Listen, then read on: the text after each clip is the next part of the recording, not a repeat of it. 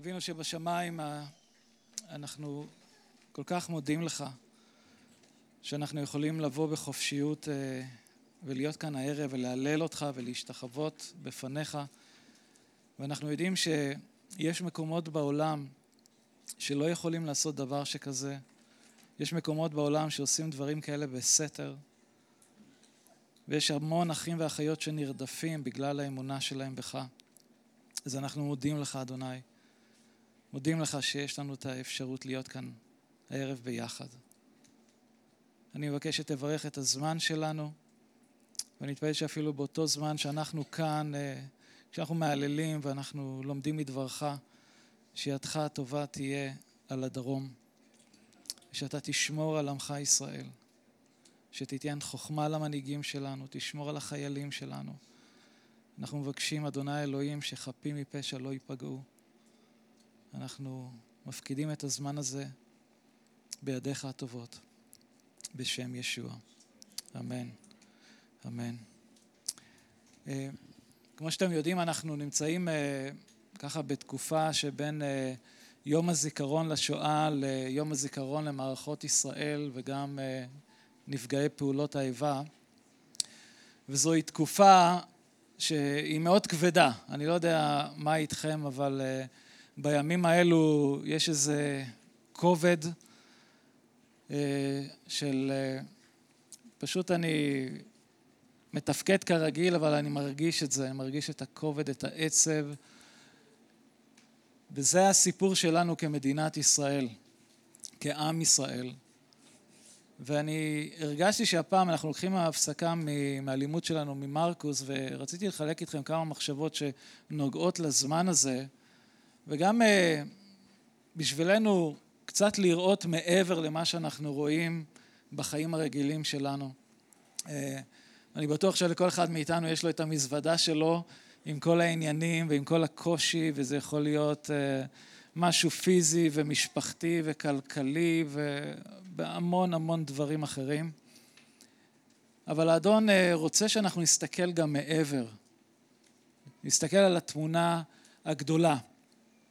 והערב אני הרגשתי שהאדון רוצה שאני אדבר על אה, פרק 37, פרק ל"ז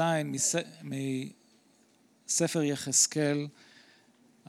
הפרק שבו אנחנו, אנחנו אומרים עליו אה, בקעת העצמות היבשות או חזון העצמות היבשות, יש איזו תמונה אה, שככה תלווה אותנו במהלך הלימוד עצמו. עכשיו חזון אה, העצמות היבשות הוא נגלה לנביא יחזקאל, כמו שאמרתי אנחנו רואים את זה בפרק ל"ז. אנחנו יודעים שיחזקאל היה ממשפחת כהנים ופעל אה, בתקופת בית ראשון. ולאחר חורבן הבית יחזקאל הוגלה לבבל אה, עם יהויכין מלך יהודה. יחזקאל החל לנבא לבני הגולה כשהוא היה בבבל ואני יודע שהפרק הזה, פרק ל"ז, זה אחד הפרקים שהמון מטיפים ברחבי העולם מלמדים עליו בכל מיני כיוונים. זה יכול להיות התעוררות רוחנית. יש כאלו שמדברים על התעוררות רוחנית אה, בחיים האישיים של המאמין, אה, לימוד שקשור לתחיית המתים, אה, לימוד שממשיל לא מאמינים שהם בעצם חיים בסוג של מוות, מתים מהלכים. אז יש כל מיני כיוונים שאנשים לקחו את הפרק הזה ולימדו. עכשיו, לא, אין דבר פסול בזה, אבל אנחנו תמיד חייבים לזכור שהפרק הזה מדבר על עם ישראל.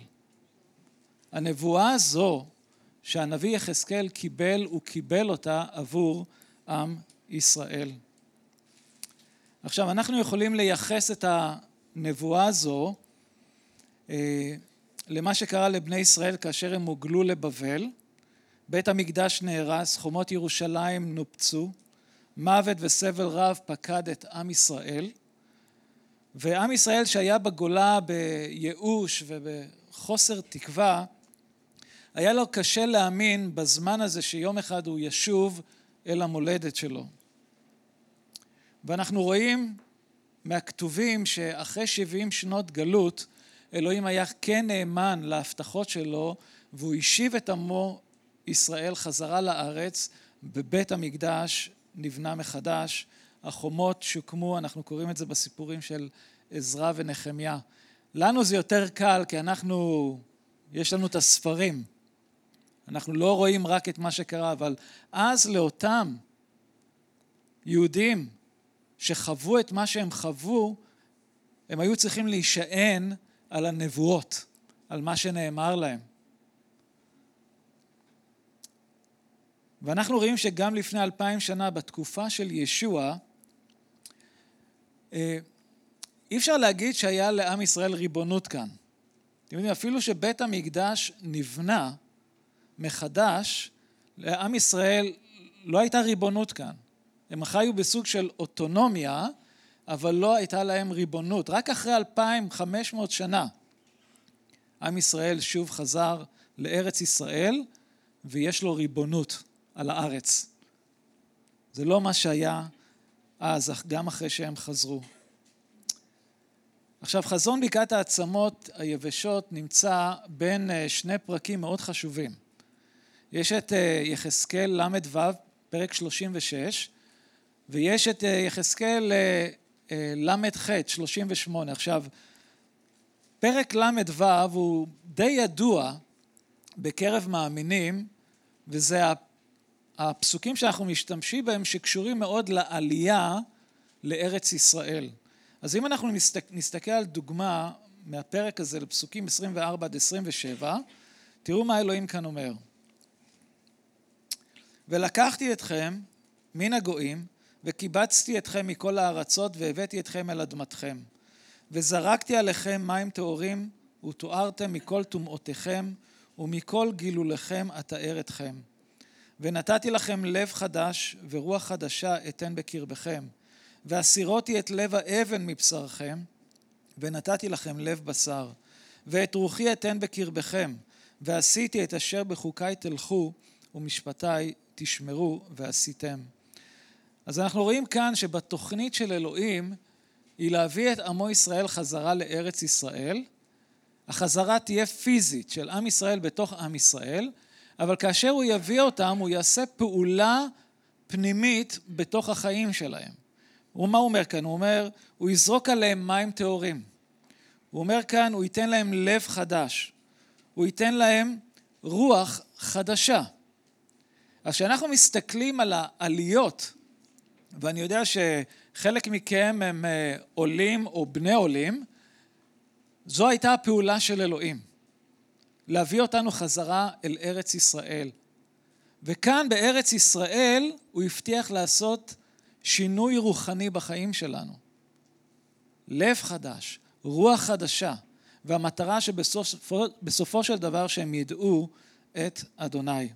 עכשיו אנחנו בדרך כלל מייחסים חשיבות להקמת מדינת ישראל בתאריך ה-14 למאי 1948, שהעליות התחילו, אבל לפני שישראל באופן רשמי הפכה להיות מדינה, אלוהים התחיל להגשים את ההבטחות שלו בהחזרת עמו לארץ ישראל עוד לפני כן, עוד לפני 48. אני אתן לכם כמה דוגמאות. אתם יודעים שהעלייה הראשונה הייתה בין ב-1881 ל-1903, 25 אלף עולים הגיעו מרוסיה, רומניה ותימן. העלייה השנייה, 1904 עד 1914, 35 אלף איש עלו לארץ. העלייה השלישית, 1918 1923, 37 אלף איש מרוסיה, פולין, רומניה וליטא. בעלייה הרביעית, 80 אלף ממזרח אירופה. העלייה החמישית, העולים הגיעו מארצות מזרח אירופה ומרכזה. העלייה בימי מלחמת העולם השנייה, עד קום המדינה, 130 אלף עולים, וזה היה גם בתקופה של המאבק במנדט הבריטי. ב-1948 ל-1950 מבצע מרבד הקסמים להעלאת יהודי תימן. מבצע עזרא ונחמיה, שזה ההורים שלי מעיראק, אה, בין 1950 ל-1951. יהודי אתיופיה, 1984, מבצע שלמה. העלייה מברית המועצות, 1987, כמיליון עולים. עכשיו העלייה ממשיכה, היא אף פעם לא נעצרה. גם היום יש יהודים שחוזרים לארץ ישראל. אולי זה במספרים יותר קטנים, אבל זה לעולם לא הפסיק. עכשיו, אם שמתם לב, האנטישמיות כרגע בארצות הברית, אה, אין, אין זמן שזה היה בצורה כזו. אומרים ש-1879 מקרים של אנטישמיות בשנת 2018, ואומרים שב-2019 זה יהיה הרבה יותר.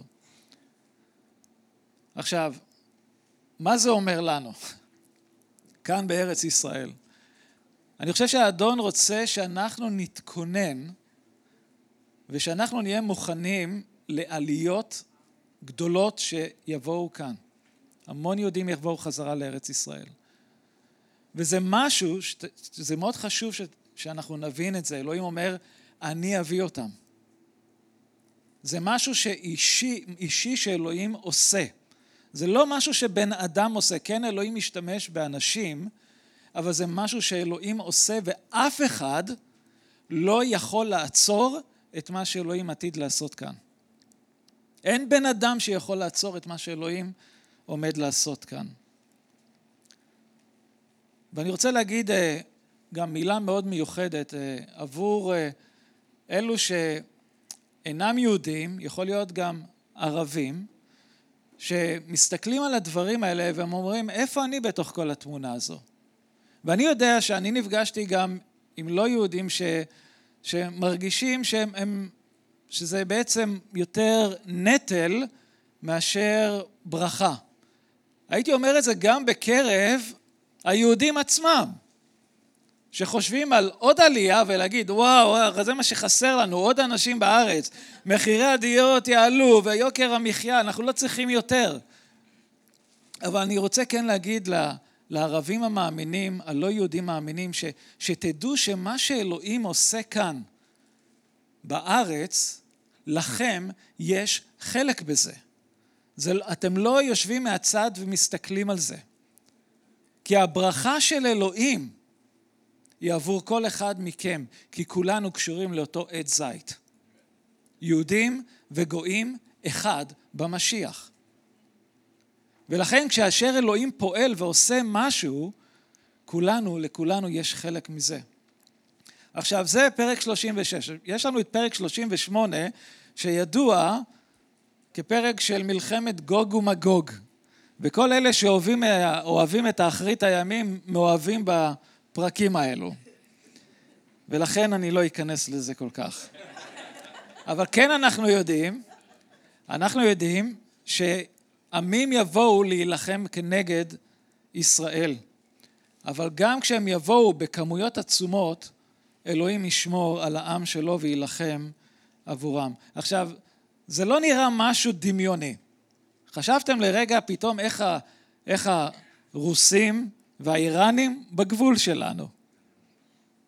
ממש קרובים. הדברים האלו יכולים להתפתח בצורה כל כך מהירה, ש, שאנחנו, זה יכול להפתיע אותנו, אם אנחנו לא באמת חושבים על הדברים האלה.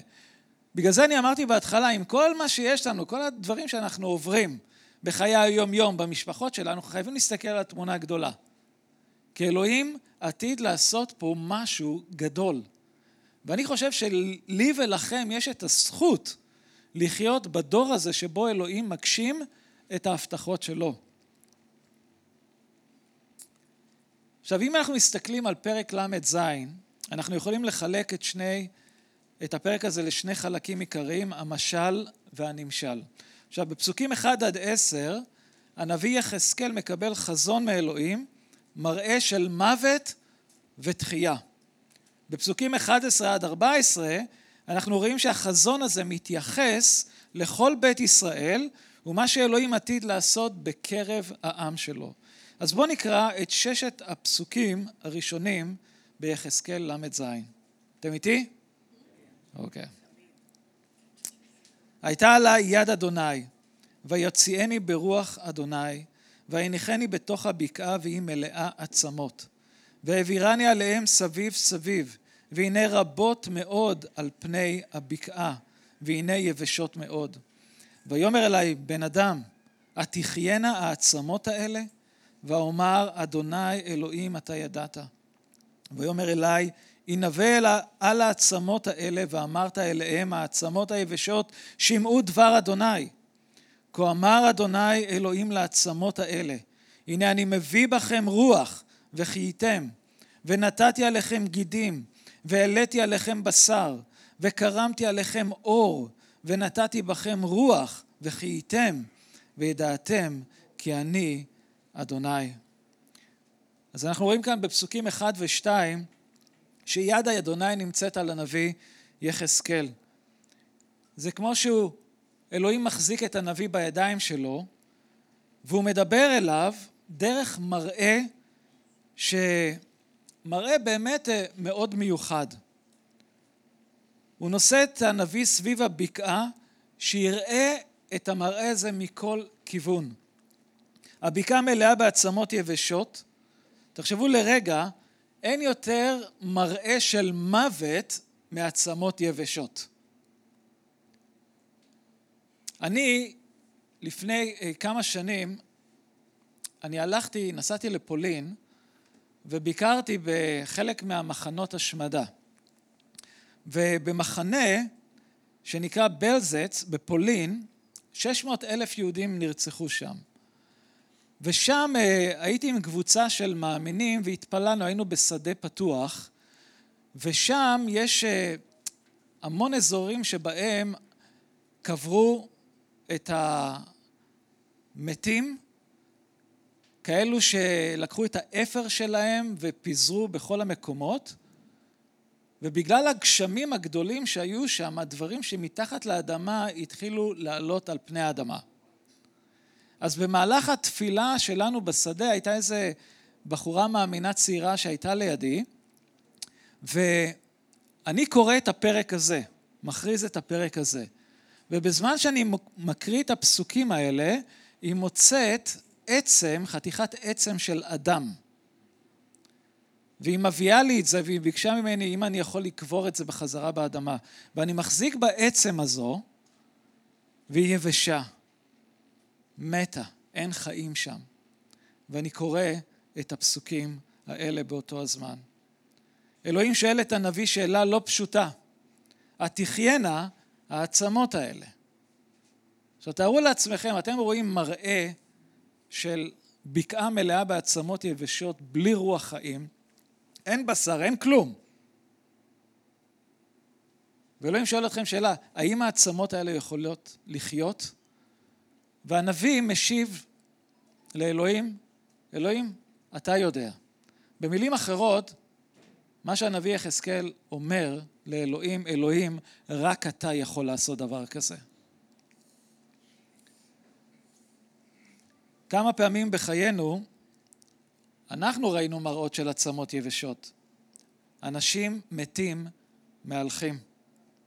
אנשים שהלב שלהם כל כך קשה וסגור, אנשים שמתהלכים בחוסר תקווה מוחלט, אומנם חיים פיזית, אבל מתים מבפנים.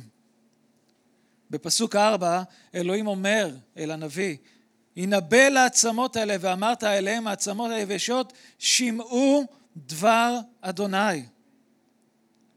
אלוהים אומר לנביא להתנבא, כלומר להכריז את דבר אדוני על העצמות היבשות. עכשיו, אלו מאיתנו שמלמדים את דבר אדוני, אחד האתגרים שיש לנו זה שכאשר אנחנו מלמדים, זה שאנשים לא ירדמו בקהל. ואני יודע באופן אישי שלא מעט פעמים אשתי נרדמה בדרשות שלי. עכשיו זה, תארו לעצמכם, אנחנו רואים אתכם, ואנחנו מלמדים ונותנים את עצמנו, ואתה רואה מישהו כזה ישן.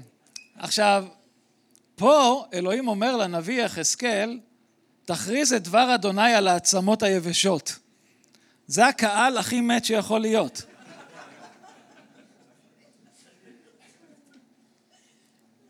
אבל הדבר הנפלא זה שזה לא תלוי בנו, אלא זה תלוי בדבר אדוני. כי הכוח לא נמצא בנו, הכוח נמצא בדבר במילים של אלוהים. אני אוהב את הפסוקים מישעיהו נ"ה, 55, פסוקים 10 ו-11, כי כאשר ירד הגשם והשלג מן השמיים, ושמה לא ישוב, כי אם ירבה את הארץ, והולידה והצמיחה, ונתן זרע לזורע ולחם לאוכל, כן יהיה דברי, אשר יצא מפי, לא ישוב אליי ריקם, כי אם עשה את אשר חפצתי, והצליח אשר שלחתיו. באיגרת על העברים ד' 12 כתוב, שהרי דבר האלוהים חי ופועל. אז כאשר אנחנו מכריזים את דבר אדוני, אנחנו מכריזים דברי חיים. אנחנו מכריזים דבר שיכול לקחת משהו מת ולהקים אותו לתחייה. זה הכוח שיש בדבר אדוני. עכשיו, מה היה המסר של אלוהים לעצמות היבשות? פסוקים חמש ושש הוא אומר, הנה אני מביא בכם רוח וחייתם. ונתתי עליכם גידים, והעליתי עליכם בשר, וקרמתי עליכם אור, ונתתי בכם רוח, וחייתם, וידעתם כי אני אדוני. תיאור של פועל על-טבעי של אלוהים. דבר שהיה מת, מקבל חיים. זה מתחיל בשיקום פיזי, ומוביל להכרה באלוהים. המילה ידעתם זו מילה שמשומשת לקשר אינטימי, קשר מאוד קרוב. עכשיו הנביא יחזקאל עושה את מה שאלוהים אומר לו. עכשיו נקרא פסוקים שבע עד עשר. וניבאתי כאשר צוויתי, ויהי קול כי נבאי, והנה רעש, ותקרבו עצמות עצם אל עצמו. וראיתי והנה עליהם גידים, ובשר עלה, ויקרם עליהם אור, מלמעלה, ורוח אין בהם. ויאמר אלי, ינבא אל הרוח, ינבא בן אדם.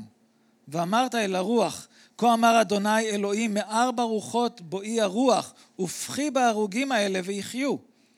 והנבאתי כאשר ציווני, ותבוא בהם הרוח ויחיו, ויעמדו על רגליהם חיל גדול מאוד מאוד.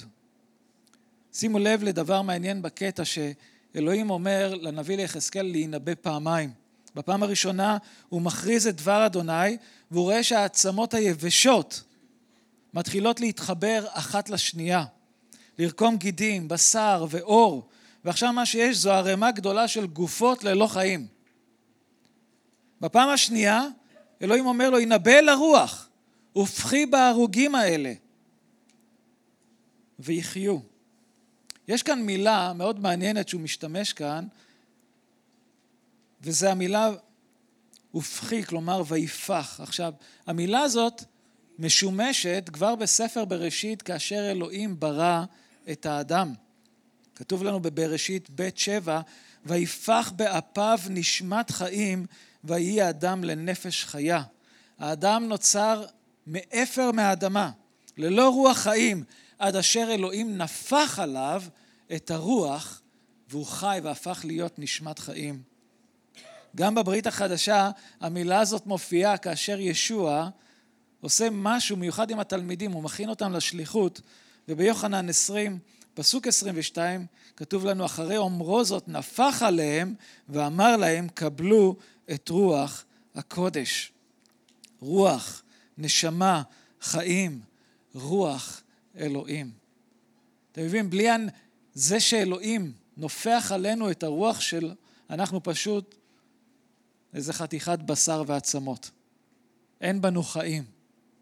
ואלוהים אומר לנביא, ינבא, ינבא אל הרוח, והרוח באה ומקימה את הערימת הגופות הזה לחיל גדול מאוד מאוד.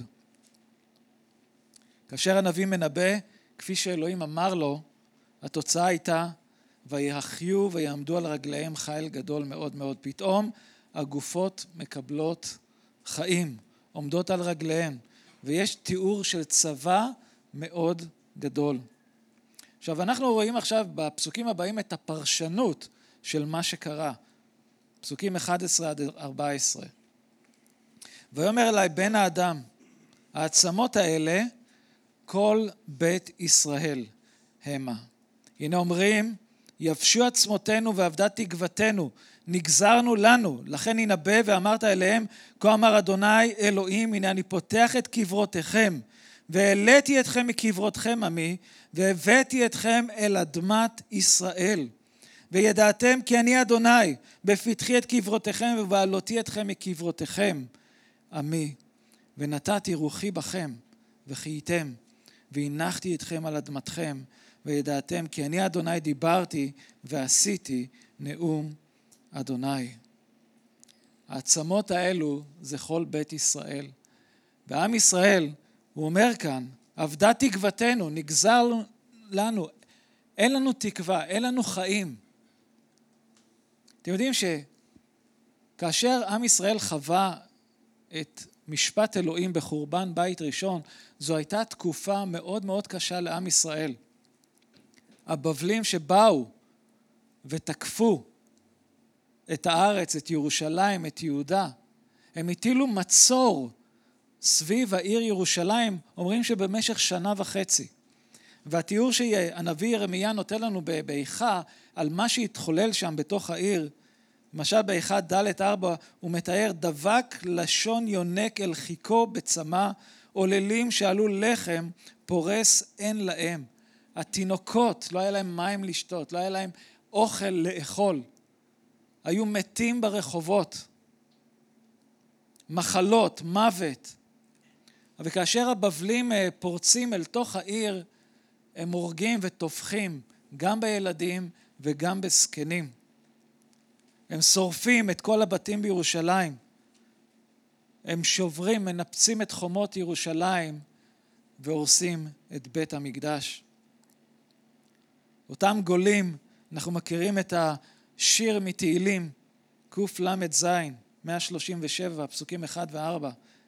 על נהרות בבל, שם ישבנו, גם בכינו, בזוכרנו את ציון.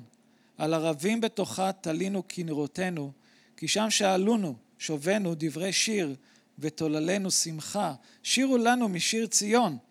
איך נשיר את שיר אדוני על אדמת נכר? אבדה תקוותנו. הוא אומר כאן, כל העצמות האלו זה בית ישראל. עם ישראל אומר, יפשו עצמותינו, אין לנו תקווה, נחרטנו, אבדנו. וזוהי תמונה שבאמת של מישהו שאיבד כל תקווה. אין לו במה להאחז, יש ייאוש מוחלט. יש עדות של הרב ישראל מאיר לאו, שהיה הרב הראשי לישראל. הוא ניצול שואה, הוא היה במחנה הריכוז בוכנוולד, והוא מספר על שש שנים בתוך המחנה עם תנאים של קור, רעב, כאב, מחלות, מכות, בדידות. וסבא שלו, שהיה רב, אמר לו ללמוד בעל פה את יחזקאל 37, דבר שעשה כאשר היה במחנה, בגטו וגם ביער. הוא מספר שזה היה בשבילו סוג של עידוד וחיזוק, שהוא ידע שזו לא המילה האחרונה. יש תקווה. בישעיהו 49, פסוקים 14 ו-6 עד 16, כתוב לנו, ותאמר ציון, עזבני אדוני, ואדוני שכחני. התשכח אישה עולה מרחם בן בטנה, גם אלה תשכחנה ואנוכי לא אשכחך. הן על כפיים חכותי חומותייך נגדי תמיד. יש את הרגעים בקרב עם ישראל ש... שעם ישראל אומר, אלוהים עזב אותי, אלוהים נטש אותי, אלוהים כבר לא איתי. ואלוהים תמיד מזכיר, מזכיר לנו שהוא לעולם לא ינטוש את העם שלו. הוא אומר, אפילו אם אימא תשכח את התינוק שהיא ילדה, אני לא אשכח אתכם. אני, השם שלכם חרוט על הכפיים שלי, אלוהים אומר. אתם מול העיניים שלי תמיד. הוא קורא לעם ישראל, בני בכורי. הוא אומר, הנוגע בכם נוגע בבבת עינו. עם ישראל אומר, איבדנו את התקווה. אתם יודעים שההמנון שלנו, התקווה, הוא נכתב על ידי משורר בשם נפתלי הר צימבר בשנת 1886, ובמקור השיר הוא ארוך, הוא קוצר ואפילו חלק מהמילים שלו שונו. אה, אני שמעתי הקלטה נדירה לפני שנה בערך של אה, שיר התקווה שניצולי שואה שרו אותו במחנה המריכוז ברגן בלזן אה, שנמצא בצפון גרמניה. במחנה הזה נרצחו 50 אלף יהודים, וגם כמו אלו שאנחנו מכירים, אנה פרנק הייתה במחנה הזה, והמחנה הזה שוחרר על ידי כוח בריטי. עכשיו בהקלטה, אני רוצה להשמיע לכם את ההקלטה הזו, כי היא מאוד מיוחדת. אבל לפני כן, הכתב ה-BBC הוא ידבר באנגלית, אבל השירה עצמה תהיה בעברית. ומה שהם שרים אומרים, עוד לא אבדה תקוותנו, התקווה הנושנה, לשוב לארץ אבותינו, לעיר בה דוד חנה. אז ניקח כמה רגעים, והייתי רוצה שתקשיבו להקלטה המיוחדת הזו.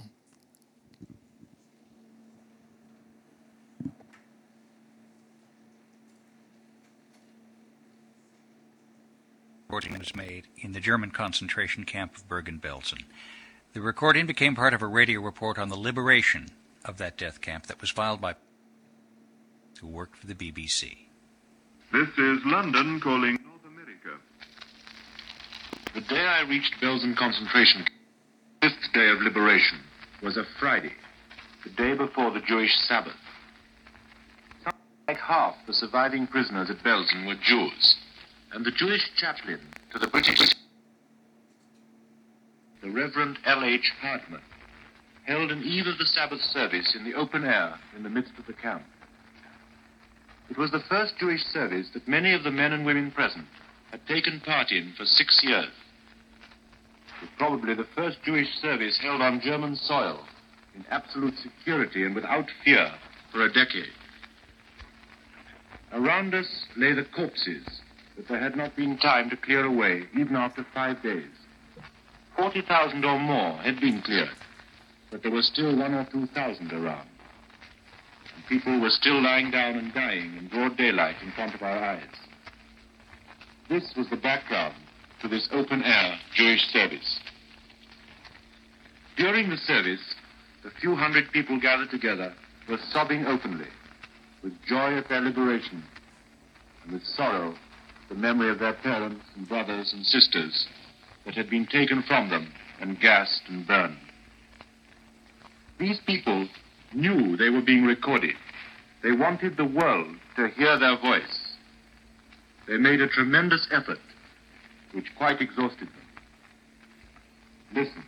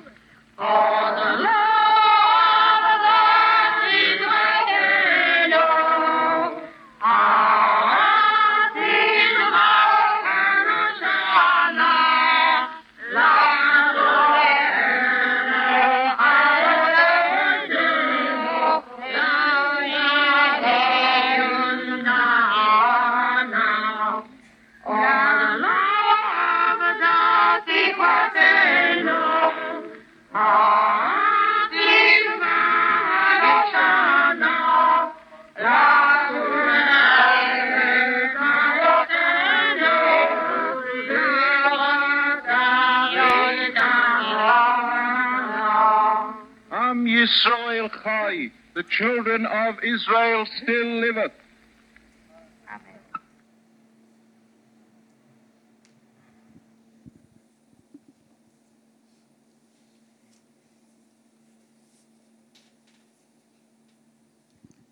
פסוק 12 לכן ינבא ואמרת אליהם כה אמר אדוני אלוהים הנה אני פותח את קברותיכם והעליתי אתכם מקברותיכם עמי והבאתי אתכם אל אדמת ישראל.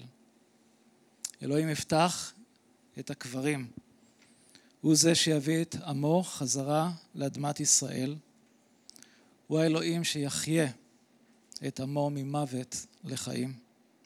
ואי אפשר שלא לראות את המראות הקשים של ערימות הגופות שאנחנו רואים בתמונות מהשואה ולקשר את זה לבקעת העצמות היבשות.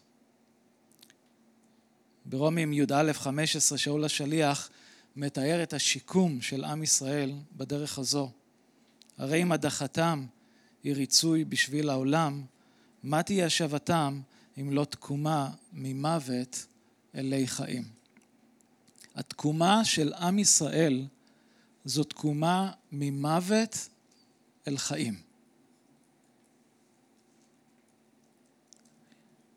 אנחנו אוהבים לצטט כאן את uh, מטיף uh, מפורסם שחי במאה ה-18, צ'ארלס ספרג'ן, והוא נתן דרשה מתוך יחזקאל 37, והוא קרא לדרשה השיקום והישועה של היהודים.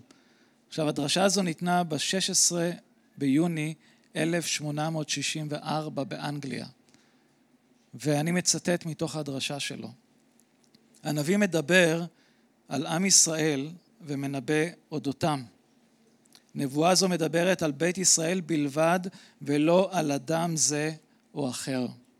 הוא ממשיך לומר, יש שיקום פוליטי של העם היהודי בארצו ושיקום רוחני בקרב עם ישראל אשר יתבטא בישועה במשיח ישוע.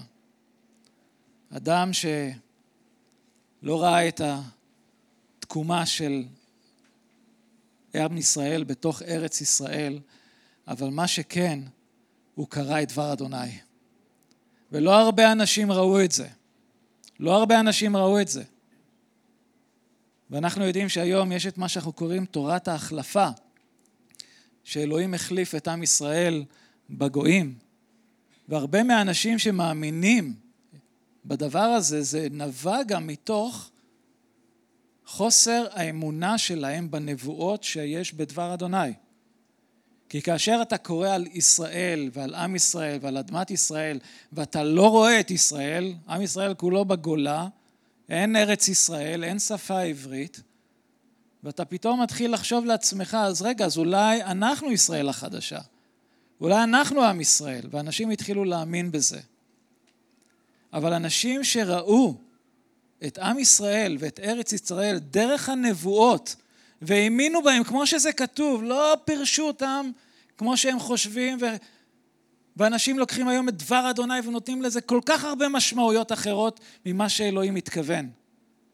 ואנחנו מקבלים כל מיני תורות מוזרות. ואותו צ'ארלס פרג'ן קרא, אלוהים הולך לעשות משהו בתוך עם ישראל. כאן בארץ ישראל, הוא יקים את העם שלו בחזרה.